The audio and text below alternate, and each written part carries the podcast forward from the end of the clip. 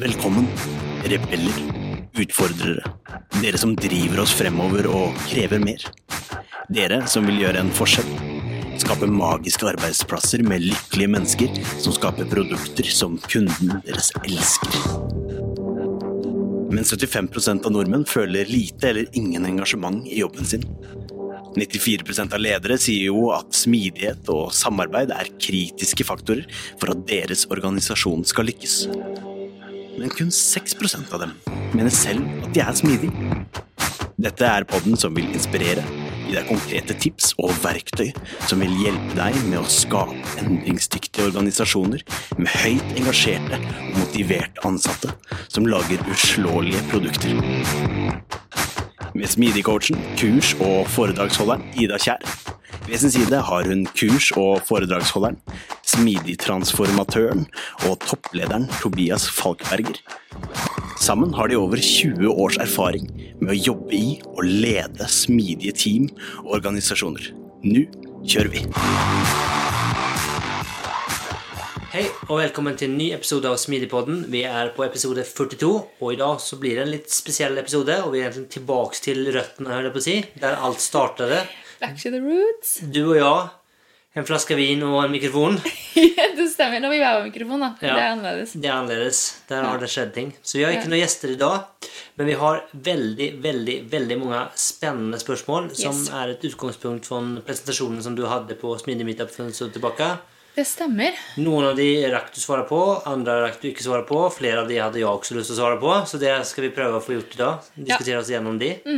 Så det her blir litt sånn eh, Det blir jo din og min mening og våre refleksjoner om temaene. Det blir det. Så det er ikke en offisiell DNB og Riks-TVs eh, joint eh, statement her, utan det er, det er hva vi tenker og hva vi mener. Ja. Så det får du ta for hva det er. Det er ikke dårlig, det, men det er ikke en offisiell Det er ikke nødvendigvis sånn vi gjør det, eller har gjort det, eller eh, kommer til å gjøre det, utan det er våre refleksjoner på de ulike temaene. Yes. Eh, Før vi hopper inn så tenkte jeg faktisk kunne gjerne sagt nå at vi har jo lagd det kurset. Eh, som, og der har vi fått veldig mange som syns at det kurset er kjempebra, og det syns vi er veldig veldig gøy. Men så er det noen som har lagt en veldig dårlig karakter, og det syns vi er veldig trist. Um, men det skal dere for så vidt ha rett til å gjøre. Men Ja. har du tatt kurset og syns at det er bra, og ikke gitt en karakter, så skulle vi oppfordre deg til at eh, veldig gjerne gjør det. Det hadde jeg satt veldig pris på. Ja, så vi kan- får balansert det litt. Ja, men kan jeg komme med en innstendig bønn også? Det er jo det at jeg, jeg respekterer de som ikke liker kurset vårt. Det er helt fair at du ikke gjør det. Men hvis du skal gi en dårlig karakter, så vær så snill, se mer enn liksom 5 Ja, Fordi vi kan se hvor mye man har sett. Og Det er jo gjennomgående de som har gitt en dårlig karakter, de har liksom gitt opp, og så Ja. bare det var dårlig. og det er litt synd, da, for vi har lagt ned så sinnssykt mye jobb i det. Og de fleste som har sett hele kurset, syns det er veldig bra. Så det er, ja, Og du må jo ikke se alt på en gang. Du kan dele opp. Du kan bruke så lang tid du har lyst. ikke sant? Det er jo tilgjengelig i Så- evig tid, så det er bare Ja. Kom det gjennom. Kom igjen. Kom det gjennom. Det Link ligger vel i beskrivelsen, som alltid. Det gjør det. Skal vi hoppe inn i spørsmålene i det? Kan vi ikke gjøre det, da? Første spørsmålet, det er jo Det er noe vi snakker veldig Jeg vet ikke om vi snakker så veldig mye om det nå lenger. Vi snakket veldig mye om det før. Og det var liksom smidig som mål versus at det er veien til målet. Det er en spennende ting. Ja. Eh, Vil du starte noe der, eller? Ja. Jeg kan starte Som Riks-TV så har vi faktisk hatt det som eh, litt som ulike ting. Vi har hatt det som en strategisk pilar. Vi har hatt det som eh, selskapsmål. Eh, og vi har det ikke som mål lenger. Nei. Betyr det at vi har nådd målet? Nei, det skulle jeg ikke si. Men, men eh, det har i hvert fall vært en reise. Og jeg ser kanskje verdien av, av alle de fasene, på en måte. Jeg vet, nå går vi kanskje litt sånn head of ourselves, men min oppfatning av det er ofte det at um, man starter kanskje med smidig som målet, og så man modnes, forstår man at det ikke er det som er målet lenger. Og hvis, altså, hvis smidig er målet, som du sier så fint, da har man feilet allerede. Og så pleier jeg å gjenta det, og så pleier jeg å utdype og si at det er fordi at i kjernen av smidig er kontinuerlig utvikling og kontinuerlig læring. Og hvis du da antar en state hvor du er ferdig, da har du jo gjort feil. Da, har, da, er da lærer du jo ikke lenger. Nei, Per definisjon så er jo ikke smidig lenger. Så det er jo et mål som du kanskje da sånn sett aldri kan nå. Ja. Men så klart det kan jo være en verdi å få en eh, hva skal jeg si, en felles forståelse av viktigheten, et felles fokus. Eh, satte på agendaen, begynte å diskutere det. Pluss en annen ting man ikke skal undervurdere, er det at de flest, folk flest gjør det de blir målt på. Og hvis du måler en ledergruppe på det at man skal bli smidig, så kan du ganske sikker på at de kommer til å jobbe for å oppnå det. Fordi det påvirker deres lommebok kanskje ganske direkte. Ja, eller noe status. Eller, Status, eller hva den skulle være, Ja, da. så, Ja. Mm. så det er jo en effekt der, dessverre, kanskje man kan si. Men eh, sånn er det definitivt. Ja. Og det er jo greit å erkjenne det i jakten på smidighet. Det er jo det. Det er jo det. Men jeg tenker at man som, som jeg pleier å si, at smidig er jo kanskje ikke et mål i seg selv, men det er jo for å oppnå to ting. Og det er jo fornøyde medarbeidere og fornøyde kunder. Og de to er jo så fint, for de forsterker hverandre. Har du fornøyde medarbeidere, så vil de lage bedre produkter og tjenester som gir fornøyde kunder. Og med fornøyde kunder så vil de ansatte bli mer stolte og mer glad i jobben, som gjør de enda mer fornøyde. Så klarer du å liksom få det litt i gang, så begynner det å Det blir sånn reinforcing loop på godt norsk. på godt norsk. Du skulle si det bedre. Positiv Forsterkende sløyfe. Oi. Det er sånn hjemmesnekret norsk på min side. Jeg vet ikke om det er det er det jeg pleier å si. Da kan dere velge selv da, hva dere vil bruke. Ja. Positivt forsterkende sløyfe eller Ja. reinforcing loop. Ja. Gud, er det noe du vil uh, utdype mer på, på det spørsmålet før vi går videre i det? Er konklusjonen at det ikke nødvendigvis ene er rett, riktig eller annet gærent, men man kanskje bør være bevisst om det, i hvert fall, og hvor man er, og hvorfor man gjør det man gjør? Jeg tror vel konklusjonen, eller på en måte tanken er det at smidig ikke skal være målet. Men det er ikke, men det er ikke nødvendigvis liksom riv ruskende gærent å starte med det som et mål. Fordi det skaper en form for bevisstgjøring og en form for liksom rett, felles retning, da. Og sånn som man modnes, så vil det endres etter hvert. Og som kanskje kanskje akseptere litt det, da, den modningsreisen til mennesker. At man trenger, og folk modnes i ulikt tempo. Og det å presse folk inn i, inn i din liksom mold, altså din ramme, liksom, Din- før de er klare, Ja, ja. er kanskje heller ikke nødvendigvis hensiktsmessig, da. Nei.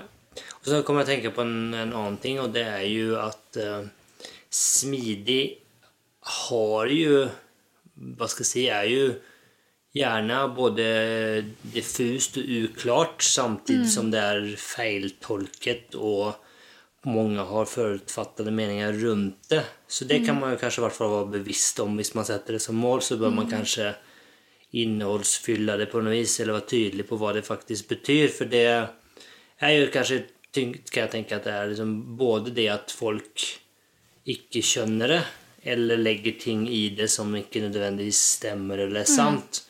Og det tenker jeg kanskje vi kommer litt tilbake til i, i episoden òg. Det tror jeg kan være litt sånn, litt sånn skummelt. Og det er jo mange eksempler på folk som måtte gjør smidig måte uten å være smidig, og ikke får noen effekt ut av det. da. Og det er jo kanskje ikke et, det er i hvert fall ikke et mål i seg selv.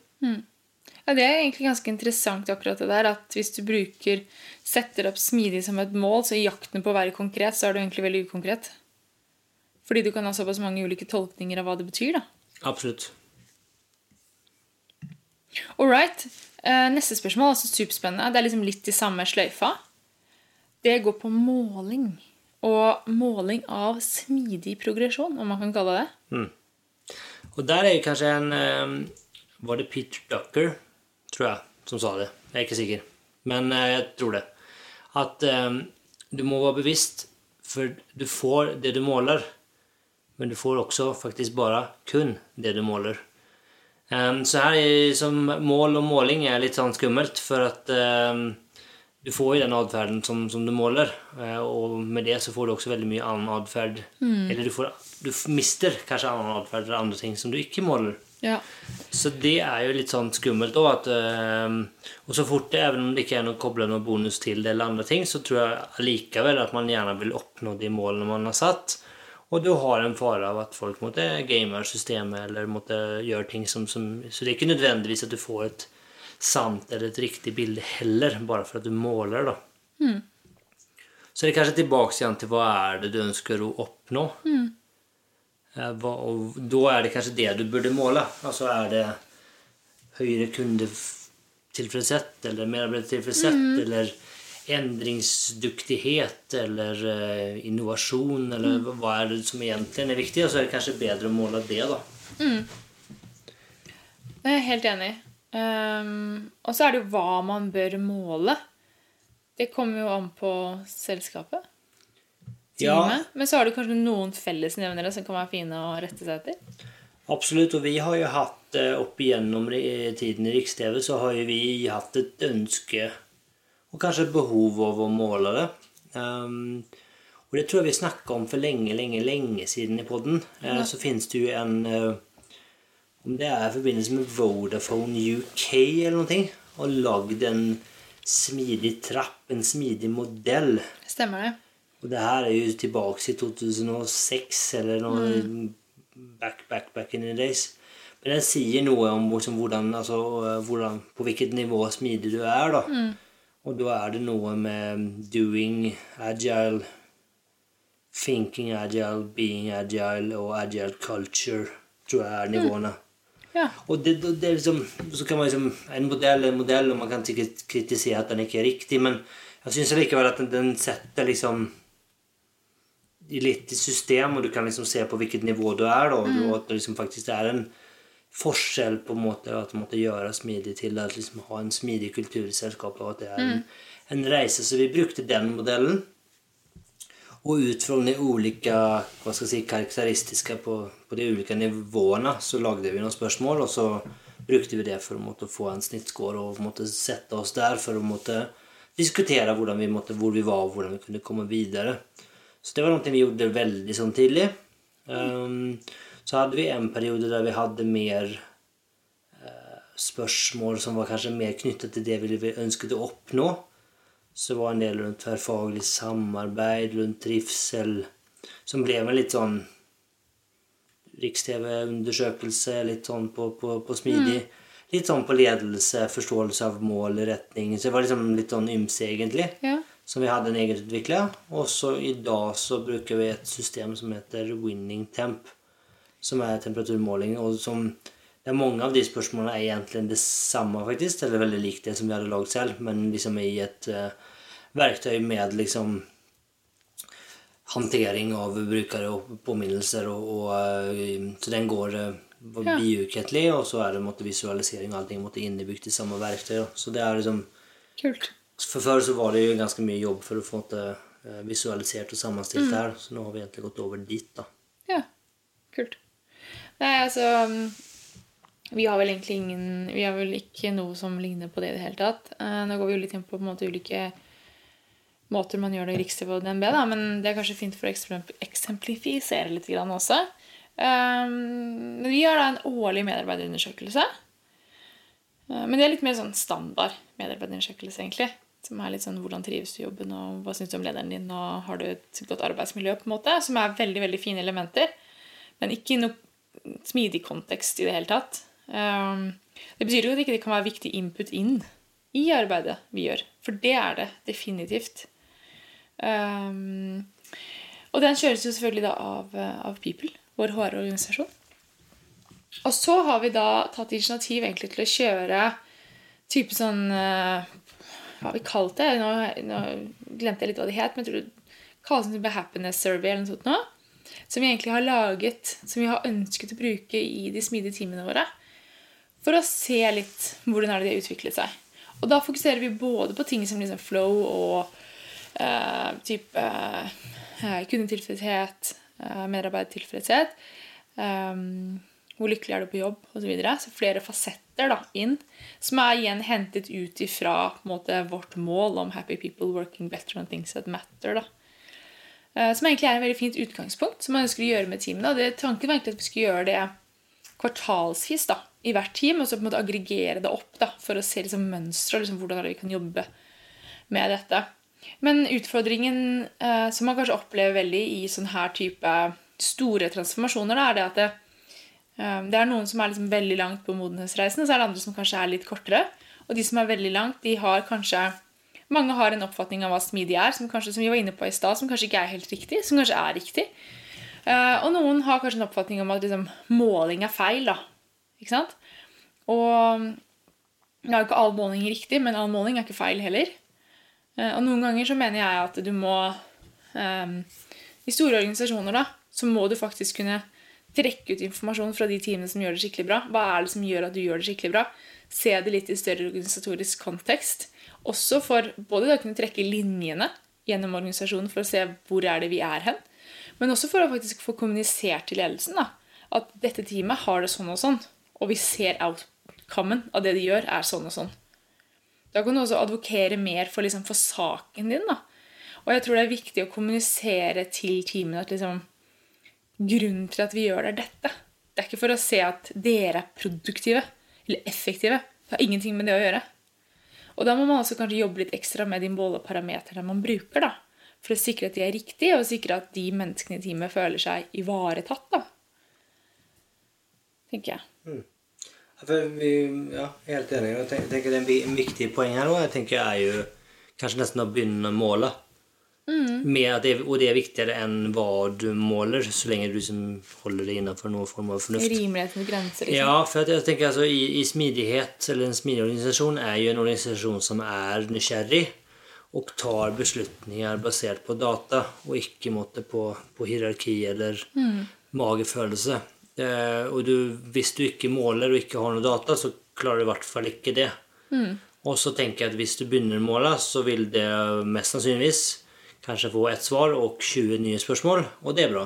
Mm. Da kan du begynne å grave det. Så jeg tenker det viktigste er kanskje å begynne å mm. og begynne å diskutere og se på de tingene du finner der. da. Mm. enig. Skal vi hoppe videre? Ja! Det neste er en nøtt. Oi! Ja, For der står det 'Scaling Agile Frameworks'. Det er noe vi diskuterer mye. Det er noe vi diskuterer mye. Som dere kanskje skjønner, så er jo vi litt sånn eh, For de dere som ikke vet, så er jo Tobias og jeg samboere. Kjærester. Litt sånn nølete, kanskje. Diskuterer mye smidig, mye metode, mye ja, mennesker. Veldig gøy, da. Men så dette er en utfordring vi har diskutert mye. Dette med store, smidige frameworks. Absolutt. Um, og jeg er vel generelt ganske skeptisk. Uh, og grunnen til at jeg er det, er ikke nødvendigvis at det ikke finnes noe bra i det, eller at det ikke finnes noe å lære ut av det. Men jeg tenker alle prosesser er jo for mennesker, og mennesker er ulike. Og kulturer er ulike, og selskaper er ulike. Og jeg kan ikke sånn tenke meg, egentlig, at et, eh, noen veldig smarte sikkert mennesker, bort sikkert i USA, som har jobber sikkert i noen store selskaper, har tenkt sammen noe, og så skal det bare passe perfekt For, at det passer bra for dem, så skal det passe perfekt inn for Alle andre. alle andre her der vi er. Um, og så er det vel kanskje mange som Vi har hørt noen presentasjon fra, fra Safe som mener selv at det er et utgangspunkt, og man må iterere og ta de delene man, man vil eller man trenger, og, og, og det. Og det er jeg veldig enig i, og det er veldig bra. Dessverre så hører jeg ganske lite om det. Jeg opplever at det er veldig mange som kanskje tar det litt sånn med hull og hår og tenker at det er en silver bullet som løser alle problem. Eh, dessverre har jeg aldri hørt noen som har hatt noen veldig suksess av det, og jeg tror ikke det er ikke så enkelt. Jeg ønsket at det skulle være sånn, på en måte. Det hadde vært fint hvis de bare implementerer det her, så var alle kunder og alle ansatte eh, fornøyde, og allting var bare happily ever after. Men jeg tror ikke det er så enkelt. Men jeg er, jo, jeg er jo av samme oppfatning, og det er litt farlig nå da, at dette blir sånn ekkokammer. Eh, men eh, det jeg er litt redd for, er at i jakten på smidighet så mister du smidighet. Um, Og det er jo kanskje ganske ironisk at du har jo kanskje i, som du sier, kanskje liksom du ønsker å komme bort fra byråkrati, kanskje fra hierarki, eh, få autonomi, få selvstyre, selvorganisering, og så går du i fella med byråkrati, hierarki, eh, s- eh, masse strukturer, masse regler, masse ting, hvordan ting skal være. Og da har du kanskje noen som mistet det, hva som egentlig trengs. ja. Men så snakker man veldig mye om minimum, minimum viable product, men jeg tenker man kan snakke også om minimum viable process. Og det tenker jeg er en fint sted å starte. Så hva er den minste prosessen vi som gruppe, vi som par, eller hva er det, ja, organisasjon, hva er det minste måte prosess vi trenger for å gjøre jobben vår?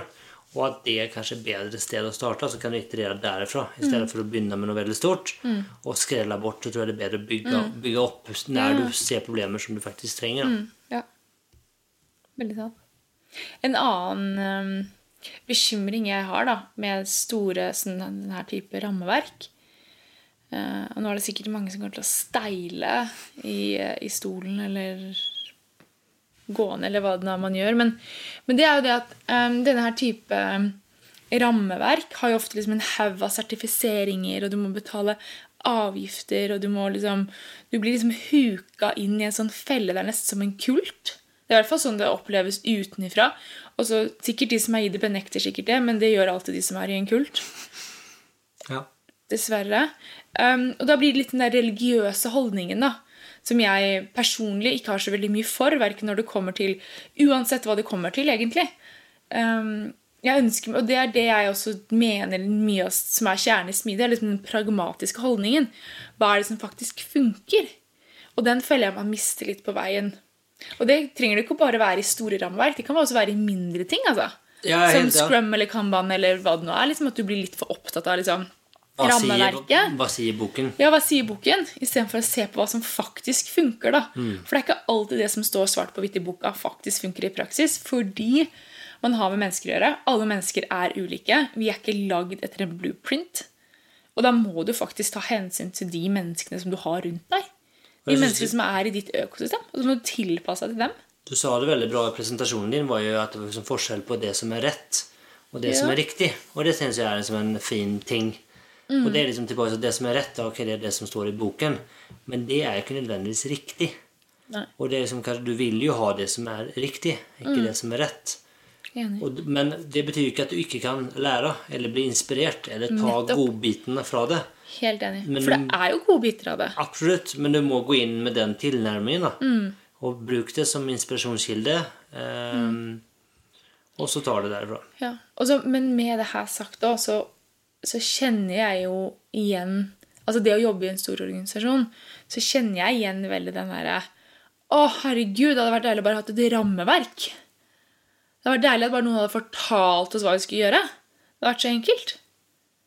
Da hadde vi sluppet å Altså, det hadde vært kjempelett. Og det tror jeg hadde vært lett for alle organisasjoner òg, ikke bare store. Um, så det, det å liksom falle inn i den måte, fellen, om man kan si det i gåseøyne, det er veldig lett og veldig behagelig. Det Men det er ikke alltid at det som er lettest, er det riktige å gjøre. Nei, og det, det tror jeg kanskje det har vi pratet om før, tror jeg. men det er jo det at jeg, jeg tenker jo at en, en klassisk organisasjon så har man en veldig lite kultur å ønske, kanskje. Eh, också kanskje få se rutiner, prosesser, eh, takhøyde for å prate om problemer og utfordringer. Eh, mens i en mer smidig organisation så er man nesten, liksom, nesten opptatt av problemer. For det syns man er gøy. det kan man, kan man løse, det kan man iterera og jobbe videre med. Og derfor så tror jeg man kan bli litt fort lurt at ting fungerer veldig mye bedre enn det gjør. Og sånn sett kanskje også ha mer tro på at det fins en løsning som, som måtte løse alt. da. Og jeg vet, som Henrik Nyberg han har sagt eksempel med, med størrelse på team, det fins ingen riktig svar. Enten så har du for store team, eller så har du for mange team. Og jeg tror det, liksom, det må folk liksom ta inn over seg, for du er de menneskene du har. Eh, og så er det liksom bare, ok, hva, hva, hvordan ser det ut det, i de ytterpunktene? Uh, hvordan kan vi prøve å passe oss for de? Og hvordan kan vi balansere det her, og hva er riktig for oss? Og så må, er det trade-offs hele veien. da. Uh, Og da er det tilbake igjen at du må jo faktisk liksom leve litt i den problem-spacen, og ikke tro at Altså lære deg at bare for at du tidligere ikke har sett problemer eller pratet om problemer, så betyr ikke det at de ikke har vært der. Men det er kanskje nå begynner de å få en kultur for det, og det kan være litt eh, ubehagelig, det òg.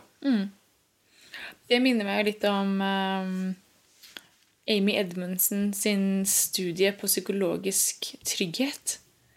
Hvor hun um, gjorde undersøkelse på, på lege... Altså operasjonssaler. Og hvor hun fant ut at det var noen som hadde veldig høy rapportering av feil, og noen som nesten ikke hadde feil i det hele tatt. Og da ble hun sånn Wow, er det noen som ikke gjør noen feil? Men så skjønte hun jo senere at eh, de som gjør masse feil, det er bare fordi de rapporterer feilene sine. Ja, for de har, ja, for de har psykologisk trygghet. Ikke sant? Nettopp. Så det betyr ikke at de andre teamene ikke har feil. De eller problemer. bare- De snakker bare ikke om det. Og det, jeg tror jo at det, og det, er jo tilbake på poenget mitt, hvis ikke det kom tydelig nok fram. Jeg tror at det, er liksom litt farlig, for at man er ikke bevisst altså Derfor så tror man at det kanskje finnes et riktig svar. Eller en løsning. Eller noe man kan Hvis man bare legger nok med penger, har nok konsulenter inne, så vil det bli løst. Problemene er borte. Men jeg tror ikke at det er så enkelt. Og det er liksom det som er liksom litt sånn skummelt. At det har liksom blitt kulturen i selskapet, eller må- måten er, så har det måttet blitt litt, kanskje litt lurt over tid at ting er bedre enn hva det faktisk er. Da, for man har ikke en kultur til å prate om problemer og utfordringer. Helt enig. Men vi har en annen, et annet eh, spørsmål også innenfor dette her. Og dette, det går på autonomi når det gjelder, når det gjelder metode. Ja. Som er ganske interessant. Det är väldigt intressant. Eh, Jag tillbaks till min som första påstånd är att processer är för människor och människor är olika. Og helt klart er det derfor teamene i selskapet er litt ulike òg. Så se at de skal jobbe helt likt, det, det, det gir ikke mening i mitt hode i hvert fall. Um, og jeg tror heller ikke at bare for at de jobber i noe samme prosess, som at det skulle igjen ha løst alle problem. Det er ikke så enkelt. Det handler om, å ha, igjen, om kommunikasjon, og det handler om forståelse, og det handler om alignment, det handler om veldig mange ting. Og som du kanskje kunne ha løst hvis alle jobbet likt, men, men det fins andre måter å, å jobbe med de tingene der, og jeg tror ikke det er riktig vei å gå. da.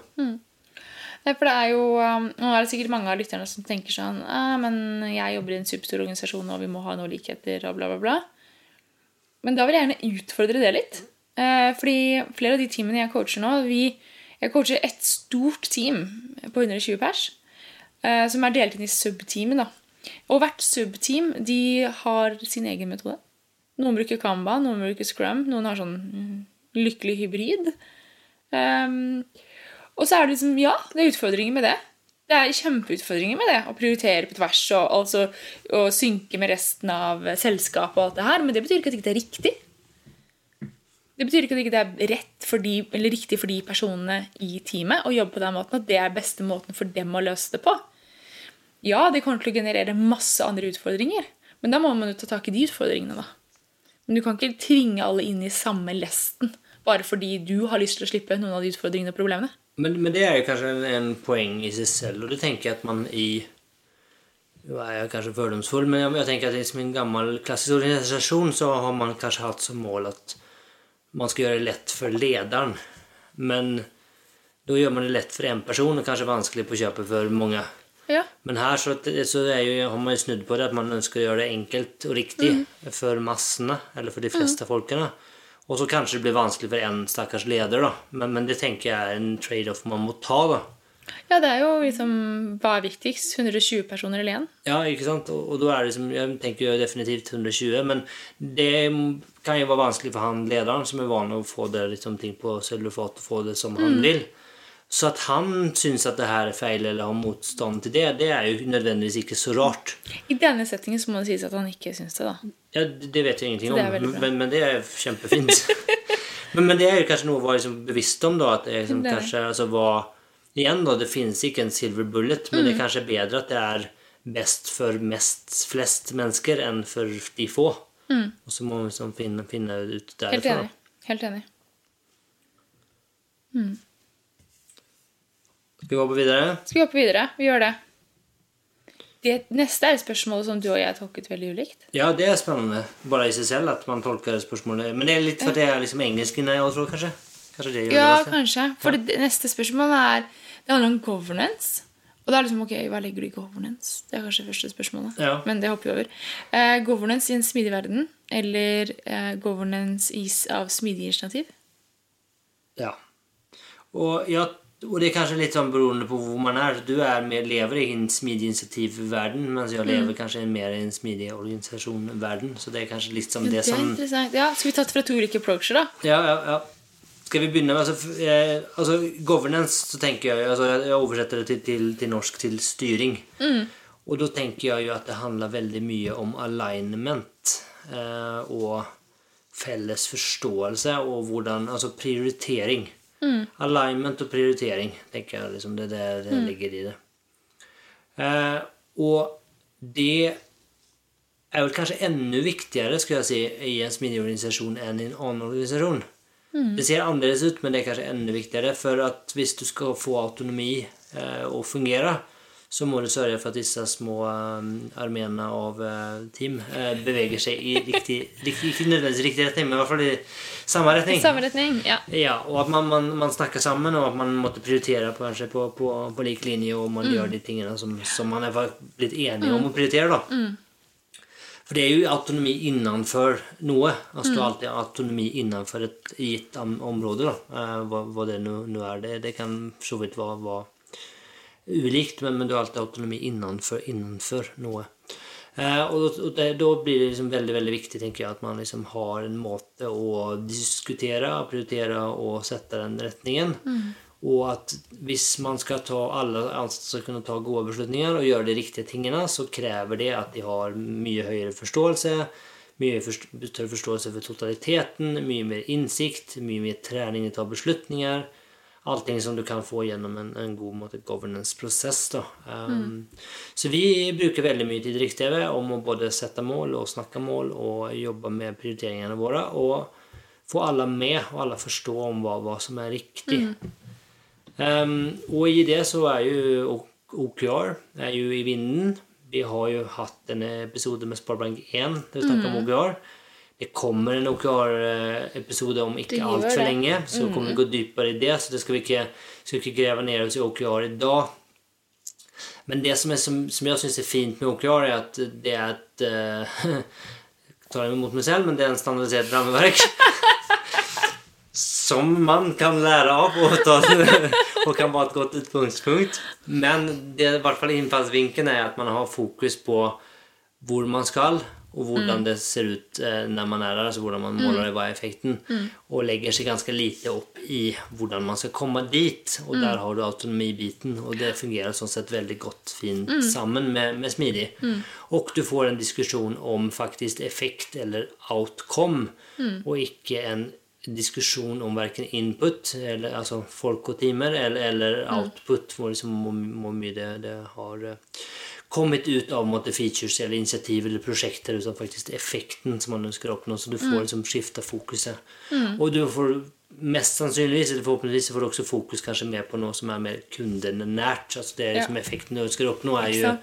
Tverrfaglig i sin natur. At du har liksom ting som faktisk er fe- altså, Kundene er ikke så interessert at du har ulike avdelinger som ikke snakker sammen. Det, det, det er ganske uinteressant. Så de er jo interessert i hva som kommer ut på, på andre enden. Så du får en del diskusjoner der som er, som er veldig interessant. Og så er jo åpenheten en del av det. da, Eh, og det tenker jeg er viktig en, en smidig organisasjon. er jo åpenhet og tillit, um, som, som måtte forsterke hverandre, de òg. Så det er liksom en, en nøkkel der. da. Og så har vi da governance av smidige initiativ. Den vet jeg nesten ikke hva det betyr. Nei. Og det tror jeg er liksom litt sånn at uh, hvis du Ja, altså eh, Skal du bli smidig, liksom? Det er der det starter, da. Ja, vi skal bli smidige, vi skal jobbe mot det. Du starter kanskje et initiativ eller et prosjekt. Kanskje et paradoks, mange vil si. Men det er sånn gjerne veldig mange starter. ja. Uh, og sånn startet det også for oss. Um, og da tror jeg liksom eh, litt av det vi um, som diskuteres mye, som jeg snakker mye om med kollega, er liksom dette med, med bruken av liksom de uh, på en måte Altså det er jo Mye av det vi har, er jo ting man ønsker seg bort av i Smidig. Type liksom styringsgrupper, eh, hierarki, rapportering, altså den type ting. Det ønsker man seg jo bort fra. ikke sant? Men du lever jo i et økosystem hvor de tingene er sånn beslutninger blir tatt. Og det er jo Du må jo på en måte leve etter de reglene også. Så i jakten på noe annet så må du på en måte spille på lag med det som allerede eksisterer, selv om det går litt på tværen med det du ønsker å oppnå. Um, så jeg tror det er veldig viktig å på en måte ikke være Altså du må bruke de mekanismene du har i organisasjonen da, til å oppnå det du ønsker, og så må du forsiktig liksom prøve å fjerne det. da. Um, jeg tror det er veldig lite hensiktsmessig å komme og så prøver du liksom å fjerne de mekanismene i starten. Være rebel. Ja, jeg tror dessverre ikke du kommer til veldig langt med det. Det kommer selvfølgelig an på størrelse på organisasjonen, hvordan kultur man har, osv. osv. Men jeg tror det er veldig viktig å starte med de mekanismene man har. Liksom det, litt det smidige prinsippet, egentlig. Start med det du har, og jobb deg derifra. da. For det tenker da- jeg er viktig altså, generelt at, at være pragmatisk. da. Ja, vær pragmatisk i tilnærmingen Altså Og så Har man styringsgrupper, ok, men bruk den styringsgruppen på en god måte. da. Retenk hvordan styringsgrupper fungerer. Hvordan vil en styringsgruppe fungere best for deg? Ehm, hvordan kan du velge de deltakerne i den styringsgruppen på mest mulig hensiktsmessig måte? Hvordan kan du jobbe med de personene på mer enn kanskje hyppigere basis da, enn du ville gjort i en mer sånn tradisjonell styringsgruppesetting? da. Det tenker jeg er liksom ting du må tenke på. da. Og bruke de mekanismene du har, til din fordel. Det, jeg er veldig enig. og jeg tenker Det er jo mange som dessverre, og det tror jeg kanskje er en, en, en Der det kanskje smidig måtte syte seg selv litt i foten, da, er at man blir litt for religiøs og litt for sånn at det er feil, og det er riktig. Vi har ikke prosjekter, vi har ikke prosjektledere. Vi er veldig sånn veldig sånn stive på ting. Og det, er liksom, det, det, er, det finnes ting som er riktig, og ting som er feil.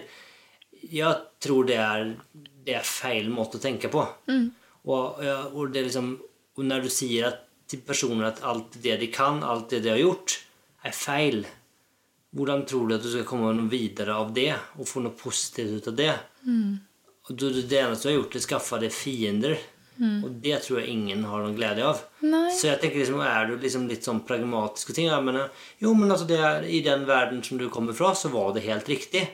Eh, men hva hvis vi kunne ha prøvd å liksom tenke litt nytt og liksom bruke det videre for å bygge noe bedre? da? Og hele den innfallsvinkelen så tror jeg du kommer utrolig mye lenger. Ja. Og så er det liksom caser der jeg mener at den mer tradisjonelle måten å gjøre det på, er riktig. Altså Jeg tror det er litt rart å bygge iterative hus, på en måte. Eller liksom at du ja, men altså, det er liksom, Hvis du skal bygge et helt nå, eller til liksom hyttefelt med identiske hytter, så er det liksom altså, Hvorfor skal du ikke liksom planlegge de? Og liksom, du kan jo planlegge det inn i minste detalj og kjøre som et fossefall. Et hus har en start og en slutt. Så hvorfor ikke, liksom? Det fins caser der ting er av en grunn veldig riktig òg. Ja, ja.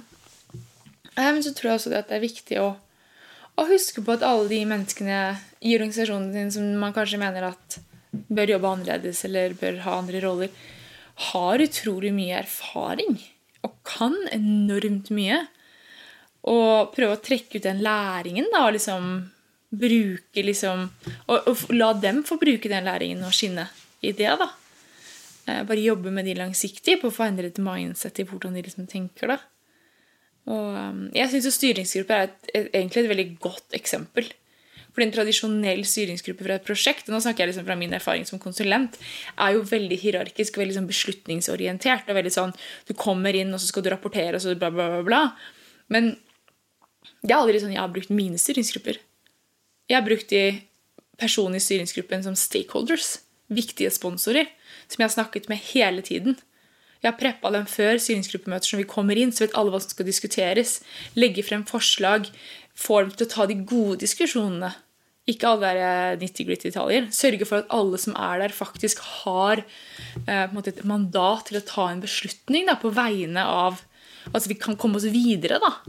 Istedenfor at det bare blir sånn litt mangel på bedre ord, ord supperåd som sitter og synser, på en måte. Så jeg tror liksom det å kanskje retenke de strukturene litt også bare er viktig. da, Og ikke bare forkaste de med en gang. Um, For det er jo kanskje et viktig poeng at det er jo Mange ganger så er det en verdi at ha erfaring med òg. ja, ja. Og det er ikke liksom, Det er balansen der, da. Å liksom faktisk trekke på den erfaringen som finnes. da. Mm, helt enig. Good. All right. Da er vi inne på siste spørsmålet på lista vår. Som også er veldig spennende. Det er ikke det, er ikke det siste spørsmålet fra Nei. den listen Men det er på en måte det siste vi valgte for den episoden. da, For at det ikke skulle bli sånn hele natten. Ja. Det er hvordan Som jeg, jeg syns det er et veldig sånn paradoksspørsmål. da, Hvordan balansere smidighet i forhold til stabilitet og sikkerhet. Jeg mener jo at det ikke er noe i forhold til. For meg så passer ikke det ordet inn.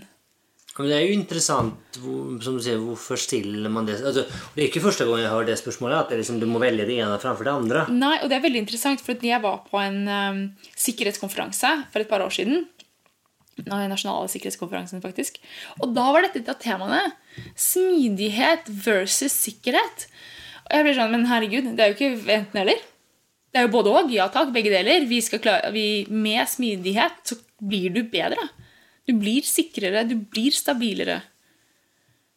Det er en enabler. Ja. Ikke et hinder.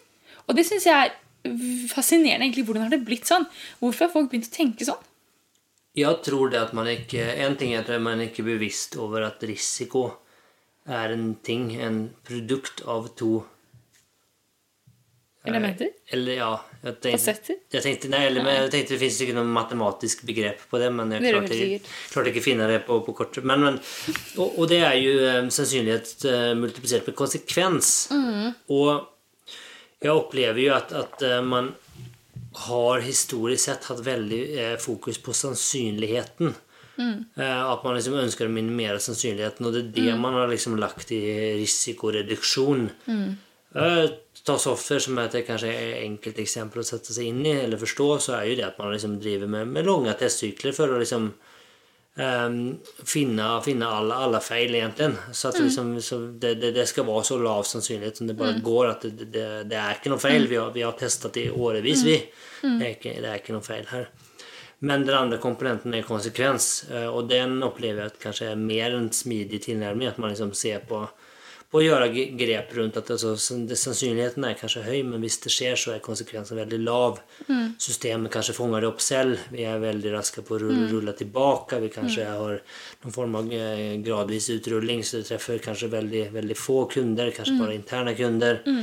Eh, masse ting du kan gjøre på, på å minimere måte, konsekvensen, og det er kanskje der man eh, ikke måtte bevisst nok av kompleksiteten i, i risiko og den tilnærmingen der. Da, at man, liksom, at man, man faller tilbake, men, men smidig tar jo ikke noen hensikt i stor grad til den eh, sannsynlighetselementet. Eh, og det er jo for så vidt fair kritikk, det, men det er jo bevisst om. Men man gjør kanskje desto mer da, på konsekvenssida istedenfor.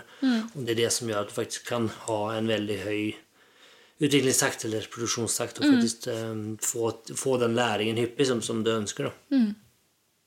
Jeg er helt enig. Ingenting å tilføye. Jo, vi, vi var inne på en ting før vi startet, det var jo det med, med tverrfaglighet. da. Og jeg tenker liksom at, eh, ja, at eh, på mangel på godt norsk, så er jo liksom tenker de her tingene som as a service. For det er et eksempel som ligger meg litt sånn, i hvert fall kanskje nærmere om hjertet, for jeg har ikke vært utsatt kanskje for så mye av det andre rundt det tekniske, men det er på, på økonomi. Altså økonomiavdelingen. For de kan ofte være finans. Det kan ofte være sånn som smekker folk på fingrene. Det er brukt for mye penger. Det er også sånn litt om politivirksomhet. Men vi har jo en eh, Hos oss i Riks-TV så er det jo eh, altså service. Eller med de er dritgode på det de er. Og de bidrar inn, inn i teamene og kan hjelpe til med disse tingene her. Og folk liksom ser på, på, på kostnader på tall og på inntekter og regner på ting, analyserer ting. Og sånn sett liksom blir en, en tjenende organisasjon i organisasjonen. Og det tenker jeg man kan tenke liksom rundt kvalitet og sikkerhet og de. Og at man kan liksom, hvis, man, hvis det er mot en faglig avdeling eller enhet i et selskap, så kan de liksom ha som endre mindset sitt. At liksom, vi er ikke der for å ta folk, vi er her for å hjelpe folk. Og, da kan, liksom, vi gjør det sammen, så kan du liksom kanskje få det til å fungere på en veldig bedre måte. da. Ja, jeg er helt enig. Jeg tror, tror det at den, den eh, Det skiftet der, da, at liksom vi er her for å hjelpe folk, og vi er i dette sammen, det tror jeg er en veldig viktig holdning å ha. Men så tror jeg også det å prøve å, å retenke litt Hvordan er det vi faktisk utøver liksom, det, det med sikkerhet, sikkerhetsarbeid i organisasjonen vår? Rundt stabilitet. Hvordan tenker vi rundt det? Hvordan utøver vi det? Har vi skapt siloer? Har vi skapt team som jobber med dette?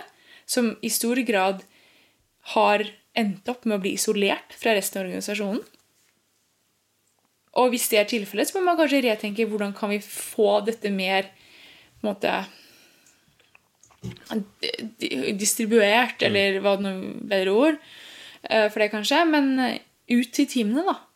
Hvordan kan vi sørge for at det eh, å tenke sikkerhet, det å tenke stabilitet, det å tenke compliance er en del av ryggmargen til de teamene? Og jeg tror det er det som er viktig, og der igjen kommer det inn i at liksom, kanskje ikke alt skal være sentralisert rundt fagmiljøer. Kanskje, Du kan ha fagmiljøer, selvfølgelig, men at de menneskene kanskje skal jobbe aktivt inn i teamene da, med å hjelpe dem, og også øke kompetansen innad i teamet. For det tror jeg liksom er um, litt av nøkkelen da, til å få det til å funke. Det er dette, den tverrfaglige samhandlingen, egentlig. Og så er det jo igjen tilbake til du får jo det du måler. Altså hva du nu, Hvis det er en egen enhet som blir målt på et eller annet, så er det det de gjør. Eh, og det er jo bare en konsekvens av det systemet som, som er lagd. Så vil du ha måtte, samarbeid eller kundefokus, eller noe, så er det måtte, det du må fokusere på. Det er det du må måle. Og her er det jo litt tilbake Det er noe som du sa, Tobias, rett før vi begynte å spille inn episoden. Vi snakket, vi snakket egentlig mer om compliance og lover og regler. og liksom sånne ting, Men sikkerhet for veldig mange områder eller veldig mange bransjer er jo nesten compliance. ikke sant? Eh, og det går litt å tenke på ok, ja, du har lover, uh, men hvem er de for? Og de er jo til syvende og sist for kunden. Så det å kanskje prøve å tenke enda mer kundefokus, utfordre seg selv på å tenke enda mer kundefokus i de situasjonene, kan kanskje også hjelpe i utformingen av disse tverrfaglige teamene. da. Ja, og du kanskje, kanskje. altså, Målet burde kanskje ikke være å følge lover og regler. Målet burde kanskje være å gjøre det som er best og mest riktig for kunden. Og da kanskje de lovene og reglene nesten altså, de, blir som måte oppfylt av seg selv, på en måte. Ja. og da er det, og da er det kanskje, da kan du igjen tilbake til måte, fellesmål og hva du måler på, så er det kanskje kundetilfredshet eller liksom kundefokus. da. Og sånn sett så blir kanskje den liksom lovdimensjonen blir på en måte sekundær. For det, det, du ville ikke gjort noe som var dumt for kunden uansett, for det er det som måtte fokusere og kultur i selskapet ditt. da. Og så er det kanskje noen lover og regler som ikke nødvendigvis har den kunderelasjonen. det- Og det er helt fair. Ja. Da er det helt greit. Da tenker jeg at vi er gjennom spørsmålene. Ja, skal vi runde av? Så jeg tenker det her eh, var jo en eh, litt sånn annerledes episode mot hva vi har gjort det på, på det siste. Så vi hadde sett veldig pris på hvis dere kunne gi oss litt tilbakemelding hva dere syns om det her. Ja, liker dere det? Ja, Var det interessant? Var det et interessant tema? Kunne dere tenke dere at det var en sånn her episode innimellom? Ja, så send, Hvis dere vil det, så send inn spørsmål, da. Det hadde vært veldig gøy. Det var veldig gøy. Hvis dere setter, liksom, vil dere at vi skal diskutere et tema, så kan det Det er jo veldig kult hvis dere gjør. Så det kan dere Ja. Og det kan du direkt nödvändigtvis sända inn. Dere kan liksom kommentere på Ja. hvor dere så den här posten, om det var på LinkedIn eller Instagram, eller hvor det var, så Mm. kommentere der, så, så tar vi det der. Eller så kan du sende en mail til smidigpodden.gmail.com, så, Mm. så tar vi det den veien òg. Ja. PM på LinkedIn og legg til oss, og ja, dere vet hvordan, man gjør det. Ja. Setter alltid pris på alle, alle som tar kontakt. Helt enig. Så med det så tenker jeg vi sier eh, takk for oss, og ha det bra. Ha det bra! Ha det! Tusen takk for at du lyttet på denne episoden av Smidepoden. Dersom du likte det du hørte, så abonner på Smidepoden, da vel. Da får du masse mer av denne type innhold i fremtiden. Dersom du har lyst til å støtte Smidepoden fremover, så gå gjerne inn på linken under og eh, ta kurset vårt. Du kan også så klart bruke noen av linkene under til bøkene som gjestene våre anbefaler. Det er affiliate links, og det betyr at Smidepodden får ei lita krone når du kjøper en bok, men du betaler så klart ikke en krone mer når du handler. Så med det så ønsker jeg deg en fortsatt fantastisk dag eller kveld, hvor enn det er du befinner deg i denne store, vide, vakre verden. Ha det bra!